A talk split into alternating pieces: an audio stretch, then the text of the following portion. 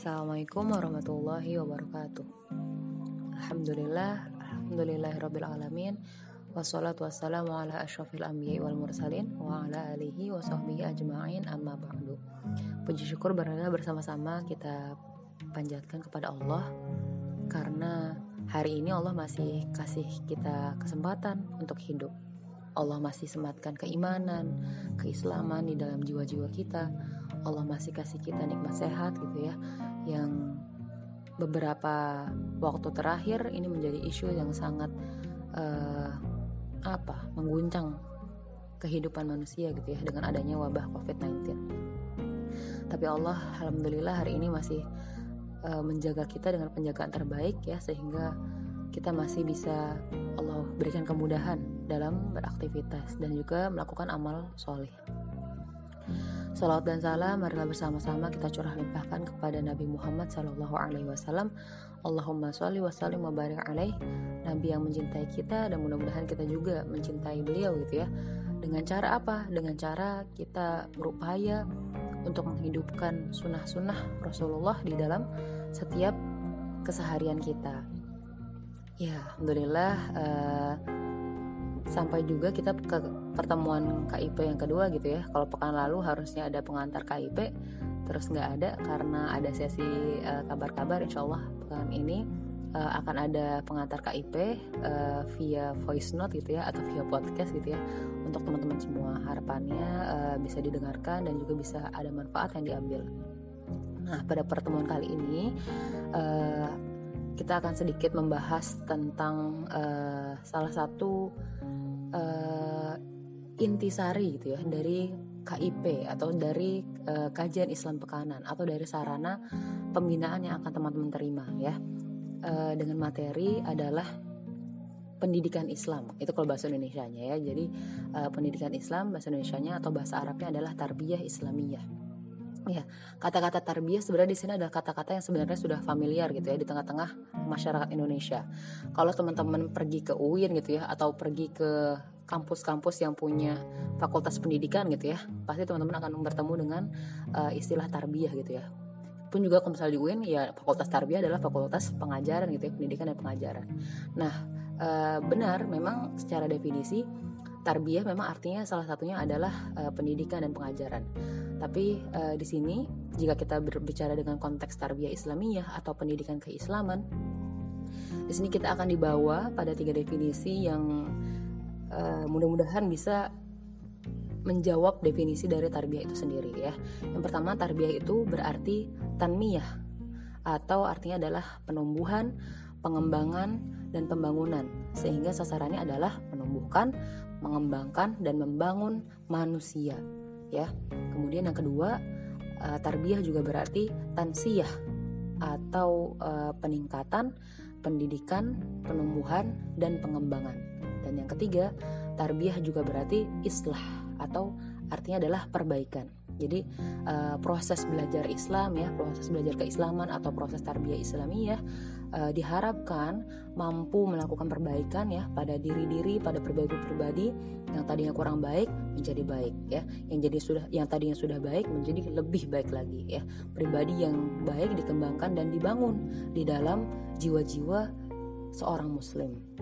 Ya, dengan demikian uh, tarbiyah diibaratkan sebagai sebuah uh, apa? Pabrik gitu ya yang mengelola manusia gitu ya. Untuk menjadikan si manusia-manusia itu tumbuh menjadi pribadi-pribadi yang kuat ya tumbuh menjadi pribadi-pribadi yang tangguh ya dan dia selalu berkembang setiap setiap saat gitu ya.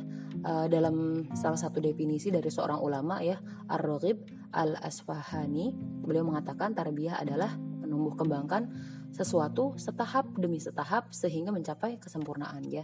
Jadi sekarang nih teman-teman lagi dibina di RK juga sedang uh, menjalani proses apa? pendidikan keislaman gitu ya atau tadi proses pengembangan, proses pertumbuhan gitu ya yang tadinya tidak terbiasa dengan melakukan uh, misalnya kiamulail gitu ya yang tidak terbiasa apa uh, baca zikir al-masurat atau misalnya tadinya tidak terbiasa uh, tidak tidur lagi setelah subuh eh yang, tadi terbiasa tidur lagi setelah subuh gitu ya uh, dengan mengikuti program dari asrama kemudian diminta nih untuk beradaptasi dengan sistem yang baru dengan hal yang baru untuk uh, tadi banyak melakukan hal-hal atau amal-amal yang uh, positif gitu ya. Yang tadi mulai dari qiyamulail ya kemudian mulai dari baca al-maksurat atau WBS gitu ya. Mulai dari diminta untuk uh, baca Quran gitu ya. Dan juga diminta untuk melakukan serangkaian program yang lainnya. Dan ketahuilah bahwa sekarang teman-teman sedang menjalani uh, proses tarbiyah nih atau proses pendidikan gitu ya atau proses uh, pengembangan diri gitu ya. Jadi dengan mengetahui hal ini harapannya bisa menguatkan kita lagi nih ya. Bisa menguatkan diri kita jiwa kita gitu ya. Dan sehingga segala dinamika yang teman-teman alami gitu ya yang hampir tiga minggu ini gitu ya bisa diperkuat gitu ya diperkokoh jiwa-jiwa teman-teman agar bisa uh, menguatkan diri sehingga bisa sampai nih nanti di bulan ke-22 gitu ya sampai akhirnya muncul pribadi-pribadi yang lebih baik gitu ya dalam diri teman-teman. Gitu. Kenapa sih uh, yang namanya uh, proses pendidikan Islam atau proses tarbiyah Islamiyah menjadi sebuah hal yang penting gitu ya? Karena hari ini kita sama-sama tahu gitu ya kondisi umat Islam hari ini uh, sangat apa ya miris ya sangat miris ya uh, banyak gitu ya saudara-saudara kita yang hidupnya kalau misalnya secara finansial atau secara pendidikan gitu ya menengah ke bawah gitu ya. Yang menengah ke bawah uh, butuh banyak apa pertolongan gitu ya butuh banyak bantuan gitu ya atau dengan kondisi pendidikan lah misalnya. Ya yang banyak yang tidak uh, apa yang buta hurufnya banyak gitu ya. Sehingga uh, perlu nih bagi kita sebagai seorang muslim gitu ya untuk melakukan satu mekanisme perbaikan. Dan salah satunya uh, bisa didapat dengan melalui metode tarbiyah Islamiyah ini gitu ya. Karena kalau kondisinya kita nih umat Islam hari ini lemah imannya gitu ya kurang ilmu agamanya ditambah lagi uh, kurang apa apa namanya kurang sadar gitu ya akan visi misi hidupnya ya jadilah uh, iya makhluk yang lemah gitu ya. Makhluk yang akan ter apa tergilas gitu ya. Dengan tuntutan-tuntutan zaman gitu ya. Dengan segala macam problematika yang ada di uh, dunia hari ini gitu ya. Jadi harapannya program tarbiyah saat ini sedang kita lakukan atau program pendidikan atau program upgrading yang sedang kita lakukan itu ya bisa menjadi solusi nih ya untuk membuat keadaan umat Islam menjadi lebih baik lagi gitu. Sebenarnya nih ya kalau misalnya teman-teman pernah baca buku sirah gitu ya uh, proses tarbiyah Islamiyah ini sudah dilakukan sejak dulu oleh Rasulullah Shallallahu Alaihi Wasallam ya yang mana Rasulullah mentarbiyah para sahabatnya gitu ya. Uh, ketika teman-teman baca sirah gitu ya teman-teman akan ber, dibawa apa berdecak kagum gitu ya oleh kisah-kisah yang terjadi di zaman dulu gitu ya karena bagaimana uh, proses tarbiyah itu bisa mengubah pribadi-pribadi yang lemah gitu ya. Pribadi-pribadi yang tadinya berlumuran dosa gitu ya. Jadi pribadi-pribadi yang kuat yang tangguh gitu ya. Kalau misalnya uh, kita reflect tuh ke kehidupan uh, masyarakat Arab di zaman jahiliyah kita sama-sama tahu bahwa kondisi masyarakat saat itu adalah kondisi masyarakat yang seburuk-buruknya gitu ya. Kondisi yang sangat bobrok gitu ya. Bahkan uh, apa ketika seorang ayah atau orang tua mengubur bayi karena misalnya bayinya adalah misalnya bayi perempuan gitu ya itu bukan merupakan sebuah hal yang apa hal yang tabu bahkan hal yang biasa gitu ya. Kemudian yang namanya uh, uh, perempuan gitu ya kalau punya anak perempuan itu katanya adalah aib gitu ya. Sehingga ya perempuan diperlakukan dengan tidak manusiawi. Nah itu adalah uh, beberapa potret kehidupan yang terjadi di zaman jahiliyah dulu gitu ya. Betapa mereka moralnya rusak gitu ya atau karena uh, minum-minuman homer gitu ya. Banyak uh, apa nggak cuman perselisihan doang yang terjadi kalau kita kalau misalnya kita lihat uh, efek dari minum-minuman homer atau minum-minuman keras ya bahkan juga bisa memicu pembunuhan gitu ya dan juga hal-hal kriminalitas yang lain. Itu adalah potret uh, kehidupan yang terjadi di zaman jahiliyah dulu sebelum adanya Islam. Dan kemudian Rasulullah hadir gitu ya dengan membawa misi keislaman dan juga menerapkan metode tarbiyah Islamiyah sehingga Rasulullah uh, bisa membentuk pribadi-pribadi yang tangguh dalam diri para sahabatnya gitu ya. Sehingga kita tahu ya hari ini bahwa yang namanya generasi paling terbaik gitu ya ada adalah generasi para sahabat gitu ya generasi orang orang-orang yang hidup satu masa gitu ya bersama Rasulullah gitu ya. Dan itu adalah uh, produk yang nyata dari sebuah proses tarbiyah Islamiyah. Bagaimana dari pribadi-pribadi yang lemah nih, yang apa, yang jiwa-jiwanya lemah ya, yang tadi ya, yang dipenuhi dengan hawa nafsu, berubah menjadi pribadi-pribadi yang tangguh, yang kokoh gitu ya. Jadi kita sebenarnya sama gitu. Kita sedang mengalami misi apa namanya proses yang sama gitu ya dengan para sahabat bahwa kita sekarang sedang ditarbiyah nih di RK gitu ya dengan segala macam sistem ya uh, challenge atau tuntutan yang teman-teman harus jalani, ketahuilah bahwa teman-teman sedang dibina gitu ya, sedang di-upgrade gitu ya, sedang dinaikkan kualitas uh, jiwa-jiwanya gitu ya, kualitas pribadi-pribadinya gitu ya, sehingga uh, satu masa nanti ketika pembinaan ini selesai, teman-teman akan merasa diri teman-teman berubah gitu ya, dan perubahan itu terjadi ketika kita punya niat yang lurus gitu ya, dan kita menguatkan diri kita bahwa kita sekarang berada dalam sebuah visi uh, yang sangat besar nih yaitu adalah visi kita membentuk pribadi menjadi pribadi yang uh, Islamiah gitu ya pribadi yang Islami. Dan tadi tujuannya adalah bagaimana kita bisa menjadi eh, orang-orang uh, yang punya peran gitu ya untuk memperbaiki kondisi yang terjadi di masyarakat hari ini gitu ya.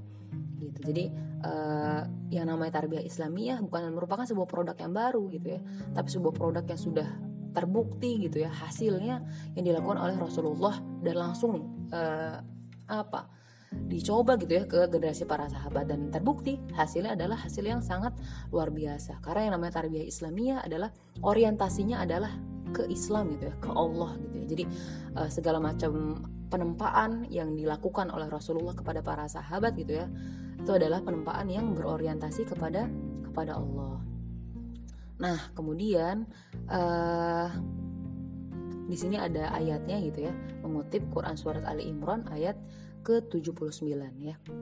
Tetapi jadilah kalian orang-orang robbani disebabkan kamu selalu mengajarkan Al-Quran dan disebabkan kamu senantiasa mempelajarinya. Jadi salah satu faktor yang membuat uh, pribadi-pribadi sahabat yang ditarbiyah oleh Rasulullah menjadi pribadi-pribadi yang tangguh adalah karena faktor robbani gitu ya. Jadi uh, yang di highlight adalah tadi orientasi kepada Allah gitu. Ya. Jadi segala macam aktivitas yang dilakukan adalah tujuannya untuk Allah. Segala macam ibadah yang teman-teman lakukan, amal soleh gitu ya, be the next Mariam atau misalnya berprestasinya teman-teman atau aktifnya teman-teman di kampus gitu ya, mau ikut lomba, mau ikut organisasi, mau komunitas segala macam itu tujuannya adalah untuk Allah. Dan kemudian yang di highlight juga di ayat ini adalah uh, generasi yang Rabbani ini kuat gitu ya. Karena selalu mengajarkan dan mempelajari Al-Quran gitu ya. Jadi memang uh, satu rahasia besar gitu ya yang harus dilakukan oleh umat Islam ya yang harus dipegang teguh dan diamalkan adalah uh, dengan berdekatan gitu ya dengan Al-Quran gitu. Interaksi kita diperintas dengan Al-Quran. Tidak cuma sebatas membacanya saja tapi kita coba mengkajinya dan juga coba mengamalkannya. Insya Allah itu akan berbuah pada lahirnya pribadi-pribadi yang tangguh gitu ya dan kuat. Seperti itu ya. Kemudian di ayat yang lain ya masih tentang tarbiyah Islamiyah Quran surat 20 ya. Surat apa surat 20 surat 20 itu adalah surat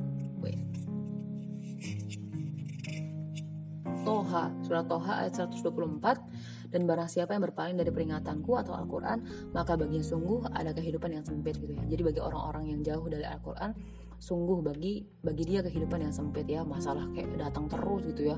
Kok sempit hidup gitu ya. Kok kayaknya hidup uh, apa?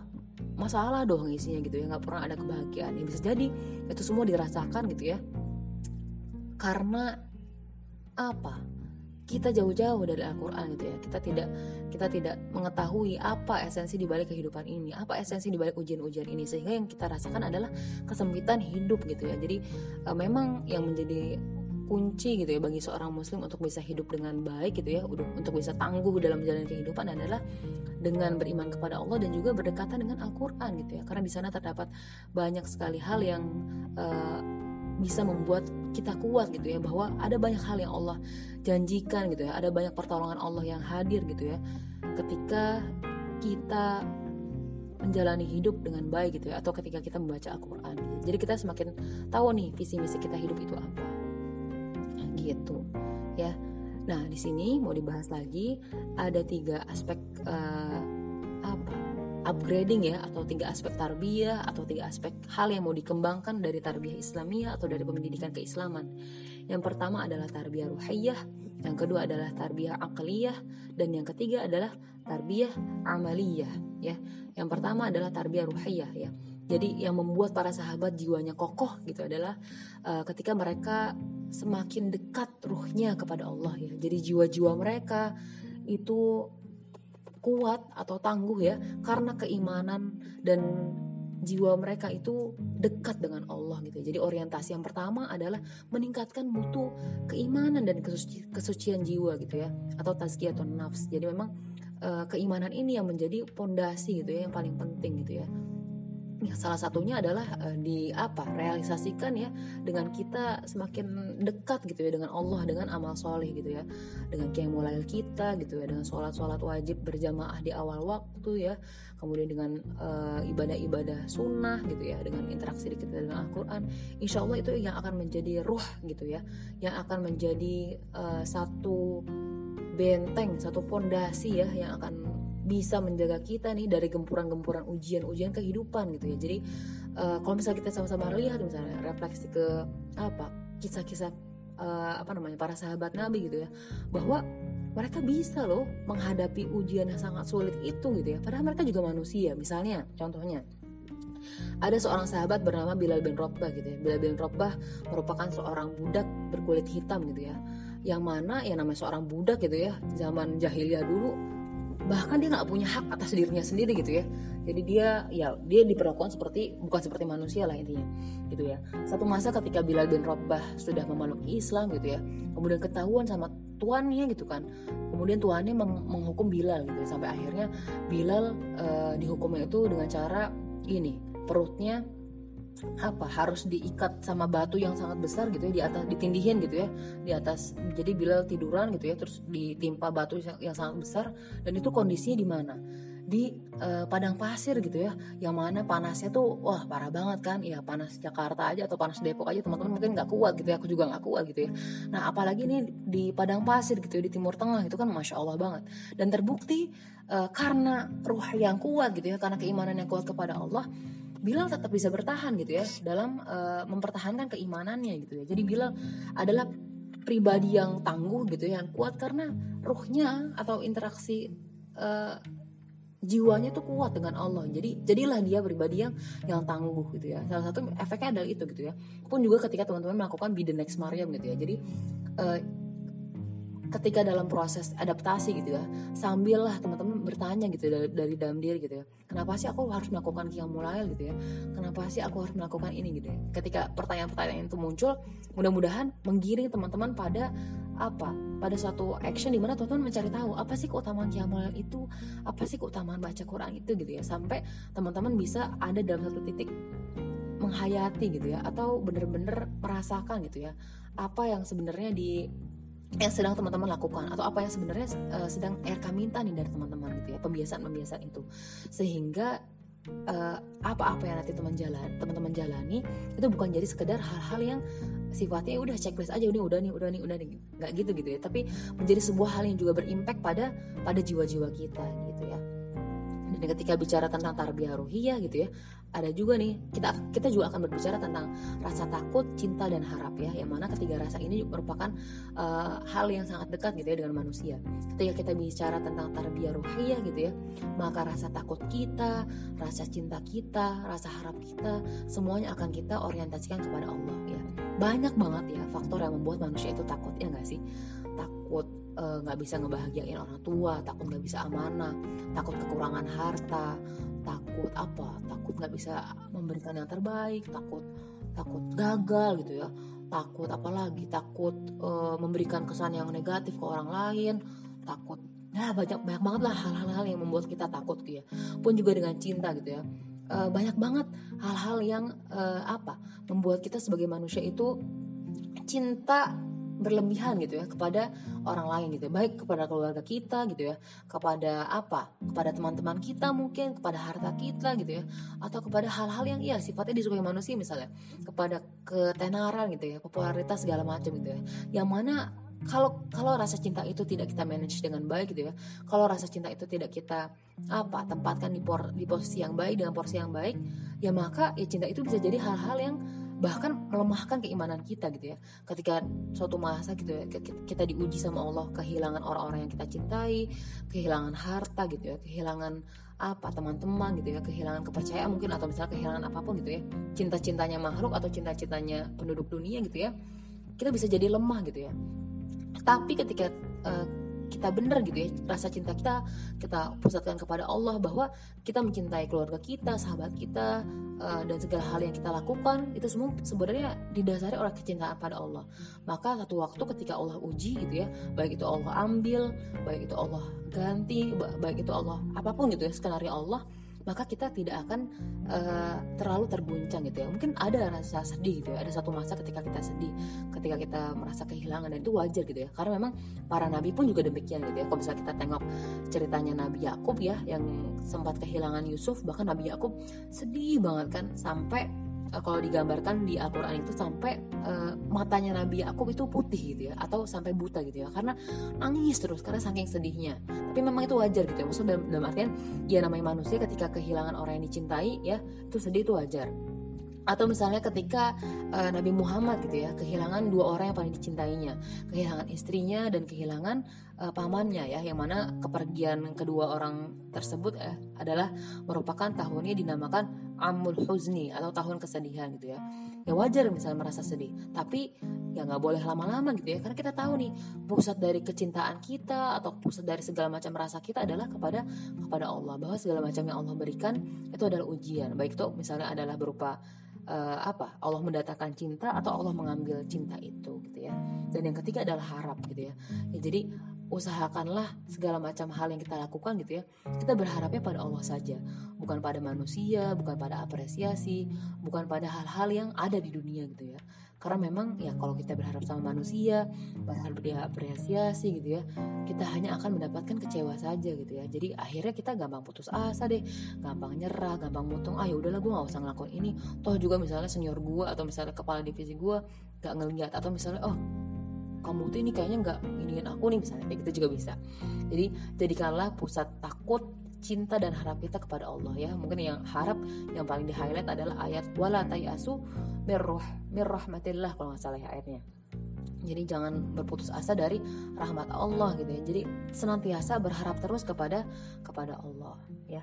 Kemudian setelah tarbiyah uh, ruhiyah ya yang kedua adalah tarbiyah akliyah bagaimana kita sebagai seorang muslim gitu ya orientasi kita salah satunya adalah pada peningkat, peningkatan kapasitas intelektual dan juga meluaskan wawasan pengetahuan ya.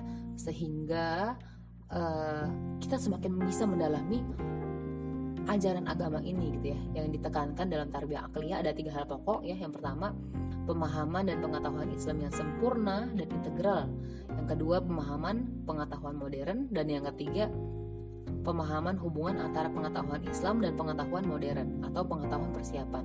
Jadi jadi kombinasinya itu yang ketiga. Ya, yang pertama pengetahuan dan uh, pemahaman peng dan pengetahuan Islam yang sempurna dan integral. Ya, jadi uh, untuk membentuk pribadi-pribadi yang tangguh gitu ya, kita perlu nih memahami agama kita ini secara sempurna dan integral ya. Jadi mungkin orang-orang yang uh, apa, yang berislam ya udah cuma cuma sekedar sekedar sholat gitu kan cuma sekedar misalnya baca Quran doang gitu ya tanpa benar-benar menghayati apa-apa yang dia lakukan ya nggak akan berimpact tuh ibadah-ibadah itu terhadap jiwanya dia gitu ya terhadap dirinya dia butuh pemahaman yang lebih pemaknaan yang lebih gitu ya agar segala hal yang dia lakukan itu bisa memberikan satu kekuatan gitu ya ke dalam jiwa-jiwa dan dirinya dia dan yang kedua gitu ya kita juga harus uh, memiliki pengetahuan uh, tentang ilmu-ilmu modern gitu ya. Jadi ilmu-ilmu yang terjadi hari ini gitu ya, sehingga kita bisa menyelesaikan masalah-masalah yang muncul nih uh, hari ini gitu ya. Jadi kita bisa menjadi bagian dari orang-orang yang memberikan solusi gitu ya. Karena memang ya sebenarnya ya pengetahuan Islam uh, apa? Memang juga ya kan pengetahuan Islam itu kan pengetahuan yang sifatnya tak lekang oleh apa zaman gitu ya. Tapi memang butuh apa? Semacam uh, apa namanya? Uh, penyesuaian dalam artian ya misalnya dalam, dalam Al-Quran ada ayatnya. Nah tapi kan butuh uh, apa? Penerapan atau misalnya aplikasi gitu ya ilmu modernnya seperti apa gitu ya. Yang banyak nih kalau misalnya teman-teman lihat nih misalnya di ilmuwan barat misalnya atau itu menemukan uh, sebuah temuan apa yang ternyata itu ada di dalam Al-Qur'an gitu ya. Jadi memang ini adalah dua hal yang memang harus kita padu padankan gitu ya, yang namanya pengetahuan Islam dan juga kita tetap harus uh, mencari nih atau menemukan nih sebagai seorang uh, ini ya peneliti-peneliti gitu ya uh, apa terapannya ya atau misalnya praktiknya gitu ya dari ayat-ayat yang ada di dalam Al-Qur'an gitu ya sehingga itu bisa menjadi bagian dari solusi nih permasalahan yang terjadi di masyarakat gitu ya. Dan yang ketiga adalah tarbiyah amalia gitu ya atau uh, tarbiyah yang sifatnya amal ya yang menuntut kita untuk uh, action gitu ya. Nah, tarbiyah amalia ini meliputi pembinaan jasmani agar setiap uh, agar kita siap gitu ya berkontribusi berdakwah gitu ya dan juga melakukan sarana-sarana yang sifatnya uh, upgrading gitu ya. Kita bisa berdisiplin gitu ya dengan perintah uh, bersedia untuk berkorban gitu ya agar terlaksana nih satu amal Islami gitu ya. Jadi memang yang namanya uh, agama Islam gitu ya sangat menuntut yang namanya amal gitu ya yang ya kalau misalnya nggak cuman kita cuma punya ilmu tanpa amal ya udah artinya ya udah kita berarti cuma sekedar ya udah ilmu doang misalnya banyak gitu ya atau dalam mahfudzat Arab itu al ilmu bila amalin kasyajarah bila tamar jadi ilmu tanpa amal seperti pohon tanpa ada buahnya. Jadi memang amal itu adalah sebuah hal yang sangat penting gitu ya. Jadi ya buat apa kita punya banyak ilmu? Tapi udah ilmu itu cuma mandek di kita doang gitu di otak kita doang gitu ya. Padahal yang namanya ilmu itu akan bermanfaat gitu ya akan melahirkan maslahat atau akan melahirkan uh, perbaikan gitu ya ketika dia mengalir gitu ya ketika dia diimplementasikan gitu ya dan harapannya nih kita bisa membina jiwa-jiwa kita gitu ya agar uh, segala macam ilmu yang kita punya itu bisa jadi hal-hal yang memberikan kontribusi untuk dakwah gitu ya untuk masyarakat seperti itu ya. Jadi uh, ini ayat yang mau di highlight ya. Kalau kita bicara tentang amal ya Quran surat At-Taubah ayat 105 ya. Maka katakanlah beramalah kamu maka Allah dan Rasulnya akan melihat aktivitas aktivitasmu atau akan melihat amal-amalmu. Jadi kita diminta untuk beramal ya. Amal kita hanya karena Allah ya. Nanti Allah kok yang melihat apa-apa yang kita lakukan sangat mungkin gitu ya manusia tuh nggak melihat amal kita atau sangat mungkin amal kita dikritik gitu atau tidak diapresiasi atau, atau bahkan direndahkan diremehkan gitu ya. Tapi jangan khawatir gitu ya selagi kita yakin bahwa amal kita adalah amal yang ma'ruf amal yang baik gitu ya maka berpegang teguhlah oh ya nggak apa-apa. Ini kan amal yang sedang aku ikhtiarkan gitu ya. Karena memang aku melakukan amalan ini adalah karena Allah. Bukan karena untuk dapat penghargaan bukan karena pengen juara bukan karena pengen dipuji gitu ya. Tapi karena Allah ya. Ketika kita melakukan amalan karena Allah insya Allah gitu ya kita akan memberikan kualitas-kualitas yang terbaik gitu ya. Seperti yang Ustaz Musali bilang di sesi KIK kemarin gitu ya tentang kualitas gitu ya. Bahwa yang namanya seorang muslim harus uh, meng-highlight kualitas dari amalan-amalan mereka gitu ya. Uh, mungkin itu dulu ya. Uh, sedikit apa uh, hal ya yang menjadi pengantar ya untuk KIP perdana uh, kita gitu ya. Bahwa uh, sekarang teman-teman sedang menjalani suatu proses upgrading ya yang sangat penting gitu ya. Suatu proses yang namanya tarbiyah Islamiyah ya. Yang tadi kalau kita apa kita lihat ke kehidupan para sahabat ya para sahabat juga merupakan apa produk-produk dari tarbiyahnya Rasulullah gitu ya. Yang, yang kalau misalnya teman-teman baca buku sejarah baca buku sirah gitu ya itu teman-teman akan melihat bagaimana pribadi-pribadi yang tadinya lemah gitu ya yang tadi bahkan memusuhi Islam malah jadi garda terdepan yang membela Rasulullah yang membela Islam dan apa memberikan banyak kontribusi nih untuk umat gitu ya. Akan lahir sosok-sosok seperti Umar bin Khattab gitu ya yang tidak pernah uh, gentar ketika menyuarakan kebenaran gitu ya. Dan apa namanya dan menyuarakan uh, kesalahan ya jadi hitam adalah hitam putih adalah putih. Kemudian kita juga akan mengenal akan muncul nih sosok-sosok seperti Osman bin Affan gitu ya. Sosok saudagar yang kaya raya tapi punya uh, jiwa yang bersih gitu ya yang mana dia infakkan ya banyak dari hartanya untuk kepentingan umat muslim gitu ya. Jadi akan banyak lahir sosok-sosok uh, orang-orang yang tangguh gitu ya ketika kita bisa melakukan proses tarbiyah Islamiyah ke dalam diri kita masing-masing gitu ya. Yang namanya ketika proses tarbiyah Islamiyah ini berhasil ya akan terbentuk jiwa-jiwa yang kuat insya Allah ya. Walaupun tadi yang namanya proses tarbiyah Islamiyah adalah proses yang bertahap ya.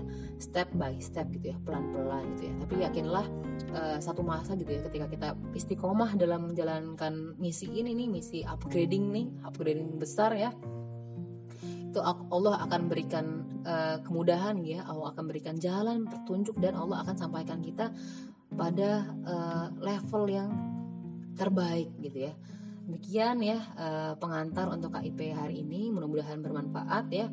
Uh, mudah-mudahan teman-teman dari sesi ini ya harapannya uh, aku minta untuk membuat sedikit resume ya uh, dari apa-apa uh, yang disampaikan ya nanti akan aku tunggu sampai hari Minggu jam 8 malam sebelum kita FM ya. Nanti akan aku note lagi di grup biar teman-teman uh, tidak lupa ya. Al-haqqu min rabbik minal mumtarin ya. Yang benar datangnya dari Allah, yang salah datangnya dari aku gitu ya. Semoga bisa bermanfaat gitu ya. Uh, selamat menjalani aktivitas ya Sabtu pagi. Assalamualaikum warahmatullahi wabarakatuh.